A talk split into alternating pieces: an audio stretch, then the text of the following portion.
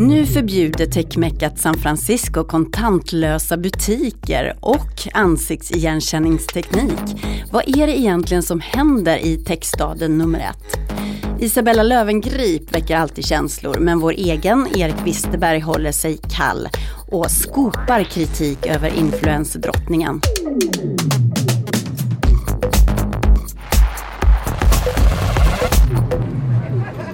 Good evening, ladies and gentlemen. Welcome aboard. Once you have located your seat, we ask that you please step out of the aisle. Varmt välkomna ska ni vara till Breakits podcast. 30 tajta minuter om det nya näringslivet. Lärorika spaningar från hela redaktionen. Jag heter Katarina Andersson och jag har just kommit tillbaka framför micken efter en veckas resande dränkt i flygskam. Vi börjar som vanligt med några nyheter från veckan som gått. I veckan blev det klart att det blir Voi som får driva Stockholms stads delningstjänst för elcyklar. Alltså vanliga cyklar, inte sparkcykelmodellen. Svenska Voi vann upphandlingen mot en spansk konkurrent trots att deras cyklar är tre gånger dyrare för cyklisterna att hyra. Upphandlingen kan överklagas i en vecka. I veckan så kunde vi avslöja att Postnord genomför ett stort sparpaket på huvudkontoret. 200 personer kommer att lämna logistikjätten och det innebär att var fjärde person på kontoret försvinner. Postnord säger att tanken med besparingarna är att man ska bli snabbare och mer flexibel. Nu har abortfrågan blivit en het potatis för streamingjätten Netflix. Nyligen infördes en väldigt strikt abortlagstiftning i den amerikanska delstaten Alabama. Och näst på tur ser ut att bli Georgia, samma strikta lagstiftning alltså när det gäller aborter. Men nu så höjer Netflix rösten och hotar med att lämna delstaten om den striktare lagstiftningen implementeras. Netflix spelar nämligen in flera av sina filmer och tv-serier i just Georgia eftersom delstaten ger filmbolagen bra skatterabatter. Hej! Olle Aronsson och Camilla Björkman här, två av entreprenörerna bakom Breakit. Och vi ska presentera vår sponsor Atea som ju hänger med oss i år och gör den här podden möjlig. Atea, de är ju elektronik och IT-partner till växande bolag som vill bygga moderna kontor. Mm, och det smarta gänget på Atea har den här veckan ett tips om hur du kan hjälpa till exempel ditt utvecklingsteam att bli mer effektiva med dubbla skärmar. Det är ju ett upplägg som börjar bli allt mer poppis, eller hur Olle? Ja, verkligen. Vi märker det här på kontoret. Vår utvecklare Martin börjar precis köra dubbla skärmar för att få bättre överblick över allt som händer under huven på Breakit. Eh, och jag minns faktiskt att jag själv under min tid som börsreporter alltid hade dubbla skärmar. Det var liksom en man skrev artiklar på och en man använde för att bevaka börsdata i realtid. Kan inte jag få det här också? Jag tänker jag ju, jobbar med affärsutveckling. Då eh, skulle jag behöva en skärm för varje, varje nytt projekt jag håller på med. Ja, du, kan, eh, du kan äska det. Mm, tack Olle. Men om du tror att eh, du och ditt team skulle må bra av dubbla skärmar så kan du till exempel testa Lenovo ThinkVision P27H. Jag säger om det där så man verkligen kommer ihåg det. Lenovo ThinkVision P27H, en modell som det funkar att ta två av på bordet som Atea varmt rekommenderar. Precis, och den här skärmen hittar man genom att gå in på atea.se e-shop och så klickar man på bildskärmar och så bockar man i och bara visa dem som Atea har en kampanj på just nu. Mm, eller så kan man förstås söka då på själva produktnamnet Lenovo ThinkVision P27 som sagt. Tusen tack Atea!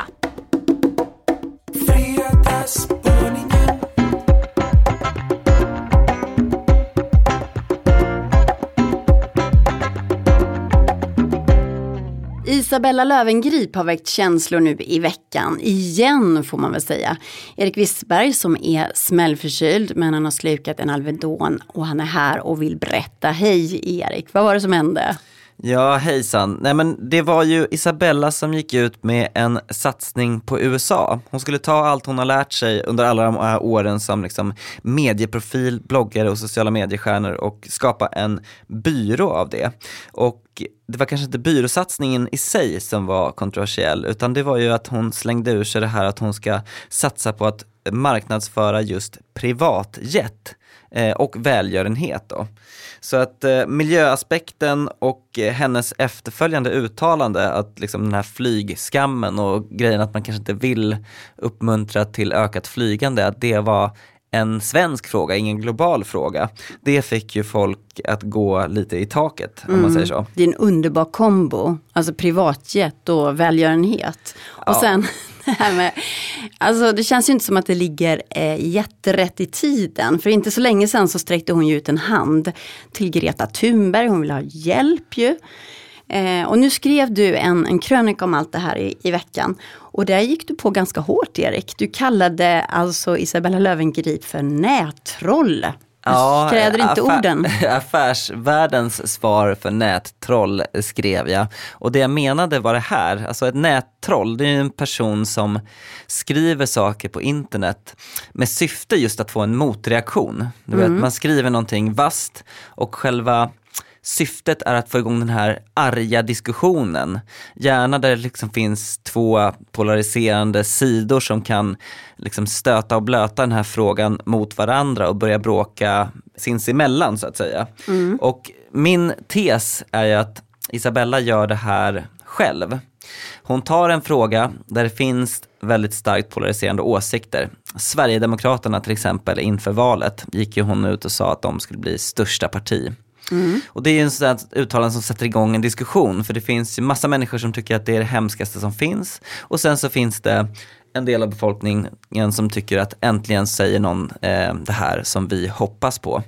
Hon har sen fortsatt med det eh, vid flera tillfällen och den här Greta-grejen var ju eh, ett perfekt exempel på det också.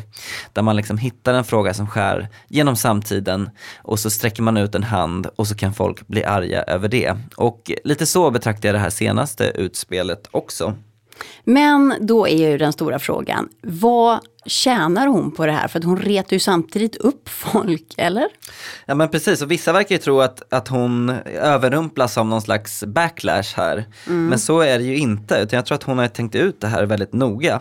När den här nyheten kom så plockades den ju upp av i stort sett alla stora svenska medier. Och här kommer ju då poängen. Isabella Löwengrip lever fortfarande på uppmärksamhet. Alltså motorn i hennes affärsimperium är fortfarande hennes egna sociala kanaler. Att hon når ut där, samlar en stor räckvidd och får ett stort engagemang där helt enkelt. Och för att lyckas med det så måste hon hela tiden hålla sig i mediernas strålkastarljus och göra sådana här grejer som får stor uppmärksamhet. Och på så sätt kunna liksom hålla sig top of mind helt enkelt. Mm, det låter som en väldigt eh, eh, krass beskrivning av dig tycker jag Erik. Jag tänker också, för hon har ju en publik som älskar henne, alltså som vill läsa vad hon gör. Och, och då tänker jag så här, det kan väl lika gärna vara så att hon vill ha berätta för sina följare vad hon håller på med. Att hon inte är riktigt så utstuderad som du tänker. Det är svårt att, att tänka sig. Men du menar verkligen det? Att det här är någonting som hon räknar kallt med, smart, kalkylerar med och tjänar pengar på. Ja, alltså annars så om man inte tror det, då måste man ju tro att hon är väldigt eh, korkad helt enkelt. Och det tror inte jag. Jag tror att hon är väldigt smart när det gäller medielogik och hur sociala medier funkar helt enkelt. Och eh, jag tycker väl också att hon tar just de här frågorna som är väldigt brännande, där det finns liksom sidor som står mot varandra och det kan bli en väldigt stark diskussion. Och om man ska vara rent krass, så det ekonomiska resonemanget här är ju ganska tydligt att hon lever ju på exponeringar. Alltså hon säljer ju det till sina annonsörer och hon måste se till att de här kanalerna hela tiden matas med trafik. Eh, Jag fick faktiskt chansen för ett halvår sedan eller så där, att fråga Isabella just om det här, för jag hade börjat se sådana tendenser redan då. Eh, Och då ställde jag frågan rakt ut, att Kastar du ur dig de här eh, köttbenen till medierna som de vet kommer bli kontroversiella för att just driva trafik? Så vi kan ju lyssna på vad hon sa då. Det är klart jag gör. Och där återigen, eh, känsla för timing. Var och när ska jag säga vad? Det jag vet att svensk, svensk media kommer att vilja skriva om eller är på väg att skriva om, där måste jag hela tiden ha touchpoints för att bli någon person som man refererar till. Det, det är plocka enkla poäng, det, man bara ser vad är för topic som, som drivs just nu och sen så ser jag till att vara en del av det. Ja, där är hon ju väldigt tydlig Erik. Jättetydlig. Eh, absolut, och eh, jag tror inte hon skäms för det på något sätt. Men däremot så känns det som att det ibland tappas bort. Och man kan ju också idka lite självkritik. Eh, vi som journalister, vi älskar ju att slänga oss på de här grejerna och ibland kanske man ska ha lite mer eftertanke. Men jag undrar, spelar hon inte ett farligt spel här? För det kan ju också vara så att annonsörerna inte tycker om att hon går ut och pratar om SD eller om privatjet mitt i, i den här tiden när folk dränks i flygskam och sådär. Alltså hur är hon så säker på att det här kommer omsättas i pengar för hennes del? Jag tror att hennes annonsörer mäter nog eh, framförallt eh, eh, return on investment, alltså vad de får ut eh, av sin investering. Och så länge de, de siffrorna ser bra ut så tror jag att hon kommer klara sig. Sen så är det klart att vissa annonsörer kanske aktar sig för någon som hamnar på fel sida i flygskamsdebatten och sådär. Men det får vi väl se helt enkelt. Mm. Tror du att hon kommer fortsätta med det här? Alltså det verkar ju vara framgångsrikt. Eller så kommer hon att tvingas hitta en annan affärsmodell nu när du har avslöjat henne kan man ju säga. Ja, eh, jag, jag tror så här att Isabella har under ett tag, och det har de pratat om också, försökt att eh, göra sitt affärsimperium mindre beroende av henne själv som person.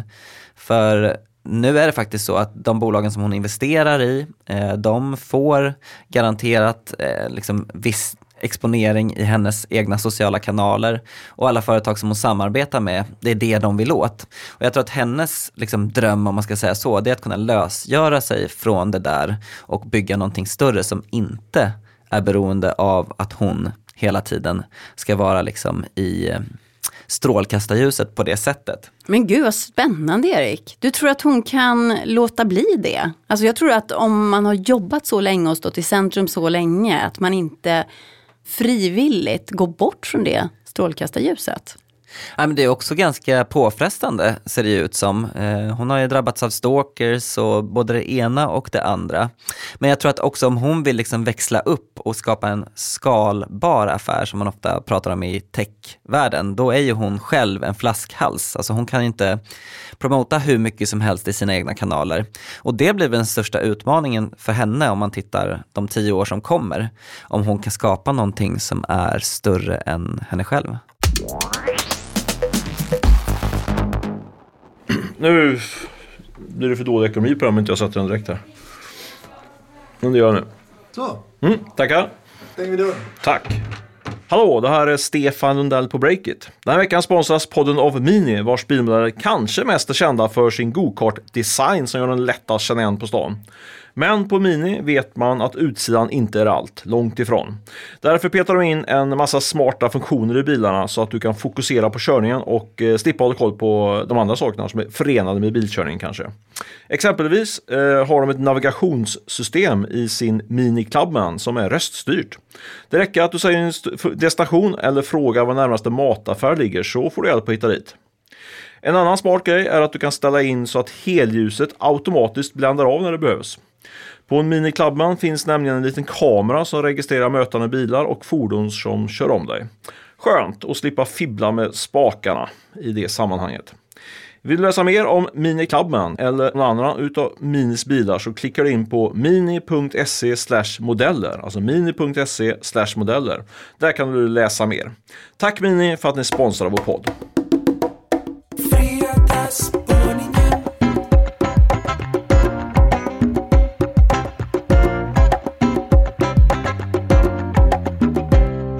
I San Francisco så har kontantlösa butiker just förbjudits, precis som kameror med ansiktsigenkänningsteknik. Det blev starka protester när flygbolaget JetBlue ville att passagerarna skulle checka in med sina ansikten.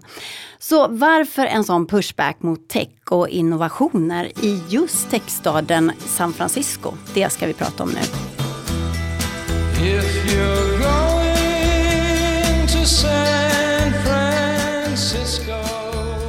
Hej Tove! Hallå? Jag har ju varit i San Francisco. Jag vet. Mm, förra veckan. Solen, höjdernas och de hemlösa stad.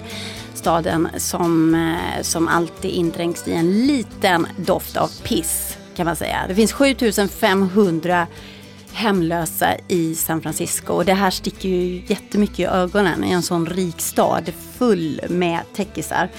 Det blir bara värre och värre. Så det, det är väl den här smolket i glädjebägaren tycker jag när man besöker San Francisco att det ser ut på det här sättet. Har du varit där förresten? Själv? Nej, jag har faktiskt inte varit där får jag erkänna. Mm. Men förutom de hemlösa då, om vi lämnar eh, det, det är ett sorgligt problem som stan har.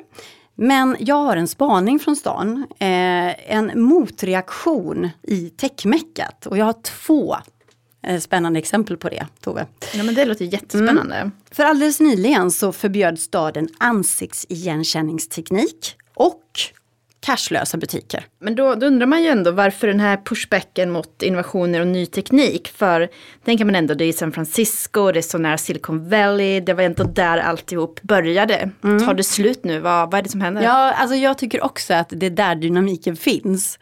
Cashlösa butiker, om vi ska börja med dem, så, så besökte jag för första gången en Amazon Go, som du kanske har hört talas om.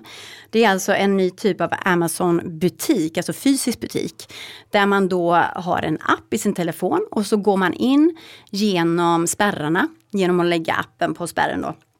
Eh, och sen kan man bara plocka åt sig precis vad man vill ha i hyllorna. Och sen så går man bara ut genom spärren. Alltså vi pratar inga kassor, inga köer, eh, inga pengar utan eh, allting bara registreras i din app och dras från ditt konto.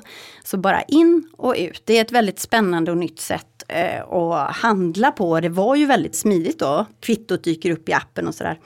Men den här typen av butik som Amazon Go, de har några stycken i San Francisco, de rullar ut över USA överallt. Den kommer alltså få få stora problem nu då i just San Francisco. För man måste då enligt politikerna som har klubbat igenom det här förslaget erbjuda en kontantbetalning, en, en sån möjlighet att kunna betala kontant. Men då undrar man ju ändå, om det här nu är så otroligt smidigt, varför måste man ha cash då? Varför måste man ta tillbaks eh, pengarna in i butiken?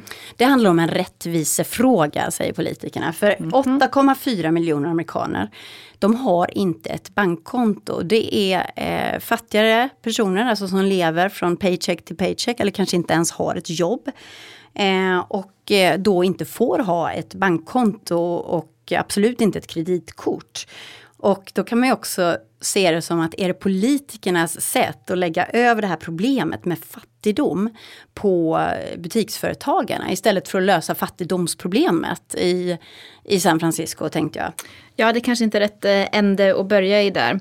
Men eh, Kat, om vi tittar på förbudet mot ansiktsigenkänningstekniken då. Jo, där tyckte jag också att det var spännande för precis veckan innan jag landade i San Francisco så hade det här förbudet mot ansiktsigenkänningsteknik i kameror eh, klubbats igenom. Det gällde inte alla kameror, det gällde kameror som kommer från myndigheter, alltså från polisen och andra myndigheter. Butiker kan fortsätta att jobba med ansiktsigenkänningsteknik till exempel, eller om du har en sån kamera hemma så är den också tillåten. Men det är alltså myndigheterna som inte får använda det. Och eh, argumenten då mot den här tekniken det är att det såklart är integritetskränkande. Det, det argumentet förstår man ju. Men också att den här tekniken än så länge är inte tillräckligt bra. Algoritmerna, de tränas ju på olika ansikten. Och då får de mest träna på det som är vanligast, alltså vita män. Och de är väldigt dåliga på på svarta kvinnor till exempel. Att, att eh, läsa ett ansikte rätt. Så att det har blivit fel alldeles för många gånger tyckte man då. Och eh, ett väldigt spännande scenario med ansiktsigenkänningsteknik i San Francisco. Det var när flygbolaget JetBlue rullade ut ett nytt sätt att båda ett plan. Man hade inte pratat om det speciellt mycket men plötsligt stod det sådana här scanners då där man fick scanna sitt ansikte istället för att scanna sitt boardingkort vid gaten. Och eh, då händer någonting som faktiskt är en, ett företags mardröm skulle jag kunna tänka mig.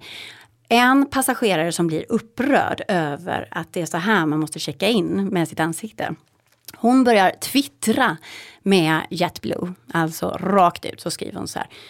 Hur har ni datan om mitt ansikte? Hur vet ni att jag är jag?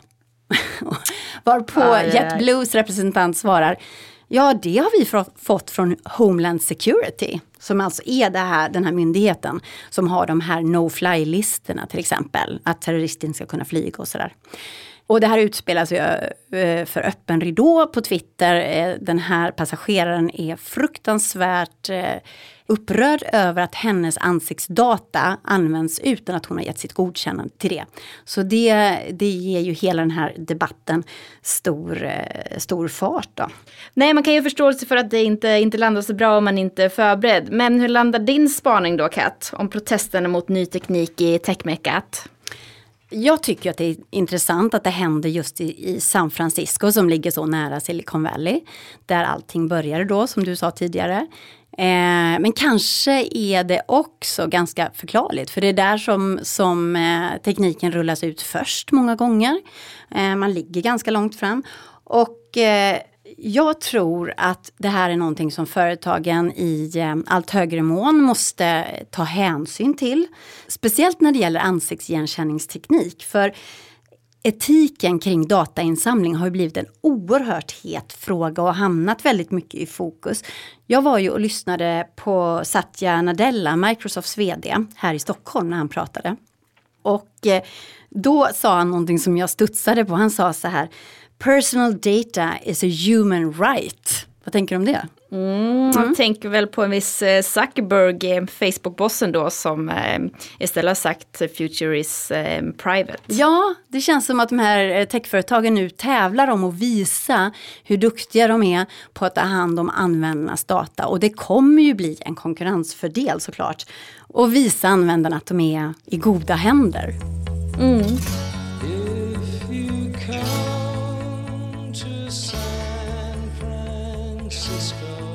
Jag tänker för, för många av oss som inte varit i San Francisco så det kan ju kännas lite, lite avlägset. Om vi, om vi tittar på, på Sverige då, vad, vad tänker du? Kommer, kommer protesterna komma hit från San Francisco? Kommer det här sprida sig över världen till Sverige?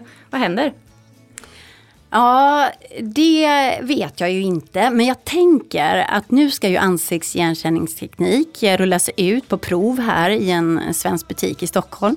Och jag tror att det såklart finns risker med det här. Och just den här aspekten som har, som har bubblat upp till ytan nu som handlar om användarnas data. Där tror jag att det blir mer och mer känsligt att vara ett företag idag. Och att just ansiktsigenkänningsteknik där, där ditt ansikte ska skannas av, kännas igen om du kommer tillbaka till butiken och man kan rikta annonser till dig in i butiken och sådär. Det tror jag finns en stor risk såklart för att det kommer kännas väldigt, väldigt creepy across the nation. Such a strange vibration. Hej hej, det här är Olle Aronsson, medgrundare på Breakit. Veckans eh, poddavsnitt sponsras av speltechbolaget Kindred som håller på att utveckla en ny globalt skalbar databas. Sören Törnlund, du är utvecklingschef på Kindred och här i studion med mig. Varför behöver ni en globalt skalbar databas? Det är främst för att eh, vara så nära våra kunder som möjligt. Vi har ju kunder över hela världen eh, så det är ett naturligt steg för oss att också vilja ha datat globalt. En global databas ger oss nya möjligheter att styra användarupplevelsen. Har ni egna datahallar eller hur ser upplägget ut med infrastrukturen? Vi har en blandad miljö med både egna datahallar och molntjänster. Vi ser molntjänster som en naturlig del av vår plattform och kollar hela tiden på, på de nya alternativen som finns. Eh, vi samarbetar också med andra teknikbolag som till exempel Cockroach som bygger vår globala databas. Eh, den i sig är cloud neutral och på så sätt kan vi välja vilken molnleverantör vi vill eller köra det i egna datahallar. Du, Cockroach, eh, det är nog inte så många som känner till dem i Sverige tror jag. Kan du kort berätta lite om ert samarbete med dem? Eh, Cockroach är en globalt skalbar databas eh, där data konsistent kan finnas i flera datacenter samtidigt, även geografiskt utspridda eh, i världen. Den stöder SQL fullt ut så att som utvecklare så kan du fortsätta programmera på samma sätt som tidigare. Tack Sören för att du kom hit och tack till Kindred för att ni sponsrar Breakers podcast. Du är våran mingelreporter Tobias. det var Du bara springer på mingel hela tiden. Events. Sitter längst fram i salen. tungt att lyssna på. Så att ja, Är du med nu då? Ja.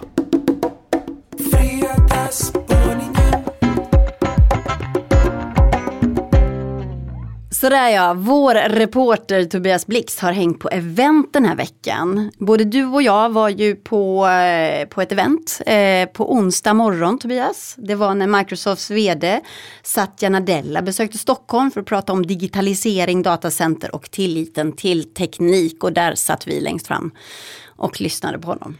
Jajamensan. Mm. Och så pratar du lite närmare micken nu darling. Men från det här eventet eh, kommer du inte att spana nu här i podden. Du har varit på andra event också, en riktig mingelreporter är du. Almi Seed Day, vad händer där? Och vad betyder det? Det kan vi säga att det hände en hel del. Det var ju många så här, investering, Almi Invest då, som hade sitt stora event där de eh, pratade och presenterade massa bolag som de har investerat i och sånt som berättade sin historia och de hade lite paneler om vad man ska investera i idag och hur man lockar investerare och lite mycket investerarfokus i Mm. startups helt enkelt. Um, men panelerna var intressanta, kanske skriver något om hur företag ska locka och behålla talanger utifrån en av dem. Vi får se lite om skrivlusten faller in. Eh, Men det har blivit någon text i alla fall om eh, Mips bland annat och deras teknik för att göra hjälmar säkrare. Som de, det höll på att gå helt åt skogen där när de hade beställt in 3000 hjälmar till sin första stora break och sen tålde de inte svensk kyla så det var nära konkurs. Är det här någonting som jag borde känna till alltså? Det är någonting som du har skrivit om tidigare? Jag skrev om den i veckan här nu i alla fall, så om du Mm. läser breaket så borde du känna till den. Ja, förlåt min vän. Ja, men eh, det måste väl vara något mer som, har, som hände då på Almi. Det fanns ju massor av entreprenörer och investerare där på plats. Eh, var ska alla de här pengarna investeras? Det är impact, impact, impact just nu. Liksom. Det är oavsett om det är hållbarhet eller hälsa eller någonting annat. Liksom. Det ska göra världen bättre. Det är liksom den här trenden vi har sett ett tag nu och den verkar ju bara fortsätta. Om det här eventet är någon indikator på liksom, utvecklingen. Uh, nu hade de ju förvisso en hel panel tillägnad till bara det här uh, Saving the Planet, göra världen bättre eh, bolag. Liksom. Så att det är inte så konstigt att temat ligger lite där, men det var ändå något som fanns med i Ja, under hela dagen egentligen. Men är det här något nytt? Är det så här Rädda Världen 2.0? För jag skulle ju säga att techbolag från början alltid har velat göra gott och göra världen till en bättre plats. Det har vi varit med om från början, eller? Ja, alltså det har ju funnits, men jag tror att det, alltså det, det är egentligen inget nytt, utan det är bara en fortsättning och ännu starkare trend, tror jag. Mm. Eh, och det ser att det verkar liksom inte finnas någon, någon ände på den här utvecklingen nästan. Och man pratar ju mycket på det, liksom att det räcker liksom inte bara att Ja, men man ska utgå ifrån några FNs hållbarhetsmål och det ska liksom finnas med i hela affärsmodellen eh, och det är, liksom, det är liksom nästan lika viktigt att man, som att göra vinst är det att rädda världen. Liksom. Alltså de är så in, liksom inbundna i varandra de här två målen. Liksom. Mm. Så alla hittar någon slags vinkel på det här då och, och kan jobba på det här sättet i ett företag? Ja, inte riktigt alla bolag nästan, men det är så många verkar som investerare som verkligen tittar på den här typen av bolag just nu. Mm. Man pratade i en panel här om, eh, om just detta, liksom att i, utanför Sverige så kanske fortfarande hållbarhet är lite av ett modord, ett så fluffigt ord för att locka marknadsföring, men här har man liksom hittat nu fortfarande liksom den kommersiella potentialen. Nu är det ju Susanna Campbell här som sköter mycket av eh, Norrskens investeringar som, eh, som pratar om detta och det är ju liksom hela deras grej så det är inte så konstigt egentligen. Mm. Eh, Men det är liksom, de flesta andra runt omkring håller också med om att det här fortsatt är väldigt hett och liksom bara blir hetare. Man ska lösa ett problem och ja, inom hälsa eller klimat eller vad det nu är. Liksom. Mm, det är innegrejen alltså. Och sen så var du med också på ett pitch battle, alltså där, där man pitchar mot varandra då helt enkelt. Då märktes det på eh, ett sånt där kul event också, att det, att det var de här idéerna som vann. Ja men precis, nu var ju det här pitchbattlet pitch battlet eh, Almi-bolag som jag förstod det rätt så att eh, man- de har ju liksom plockat ihop eh, så att de fick pitcha inför en investerarpanel här man ska säga och så fick de välja två finalister och sen fick publiken välja själva vinnaren.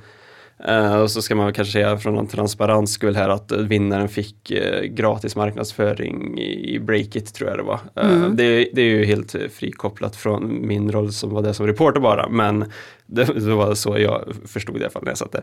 Eh, men det var många bolag som har det fokuset och framförallt de två finalbolagen som röstades fram, då hade ju verkligen det fokuset. Det ena var Altered som de gör som en form av säga, eh, munstycken till kranar som ska minska vattenförbrukningen. Det blir som en, du får, Konkret och bra. Ja men du får tvätta händerna i någon, typ, det blir som en spray, en dimma nästan istället för en vattenstråle. Ska spara väldigt mycket vatten eh, har jag förstått det som. Eh, och sen var det den andra finalbolaget som, eh, och då publikens vinnare här som var Sigrid Therapeutics som ta fram en, eh, de har inte inriktat på miljö då, utan de tar ju fram läkemedel som ska min, förhindra risken till typ 2 diabetes, är väl det konkreta. Mm. Men känns det äkta då när du sitter där Tobias? Alltså känns det som att eh, folk är så här genuina? Det här är ingenting man hittar på för att just nu så kan man tjäna pengar på att göra världen till en bättre plats. 2,0. Det, det är en väldigt svår fråga. Jag tror att många vill göra världen bättre. Jag menar, och, och vi liksom nu på Breakit, vi kör ju hårt event här för att eh, vi liksom ska hjälpa företag att bli mer hållbara och så. Men det är också, alltså självklart tror jag man känner lite pressen kanske från hela omvärlden att det här är viktigt. Det är ju en bra press måste man säga. Ja, ja, det är ju en fruktansvärt bra press. Eh, så att jag menar, det är ju det är såklart att det här kommer från någonting. Det är inte bara som att helt all, plötsligt vaknade alla upp och bara tänkte samtidigt att klart, vi ska göra världen bättre liksom. Slutsatsen då? Har en sån här bra slutkläm. Eh, Ska jag göra en bra slutkläm? Ja, men eh, vad ska vi säga då? Det, liksom, det verkar bara bli viktigare och viktigare och viktigare. Liksom. Alltså, från att ha blivit en eh, stor grej som en trend som man ska göra så blir det känns det nästan som att du står lite utanför utvecklingen nu om du inte satsar på, på det här med hållbarhet och att göra världen bättre samtidigt som du då ska tjäna pengar såklart. Tack för den spaningen Tobias Blixt. Tack själv. Ladies and gentlemen, all electronic devices, anything with an on and off switch needs to be powered off, and that includes cellular phones. Thank you. Och där stänger vi dörren till veckans upplaga av Breakits podcast. Vi är tillbaka igen nästa fredag, så lyssna på oss då. Fredrik Nilsson är tekniker och Ola Aronsson är ansvarig utgivare. Jon Wahlqvist är redaktör och själv så heter jag Katarina Andersson. Ha en riktigt trevlig helg nu.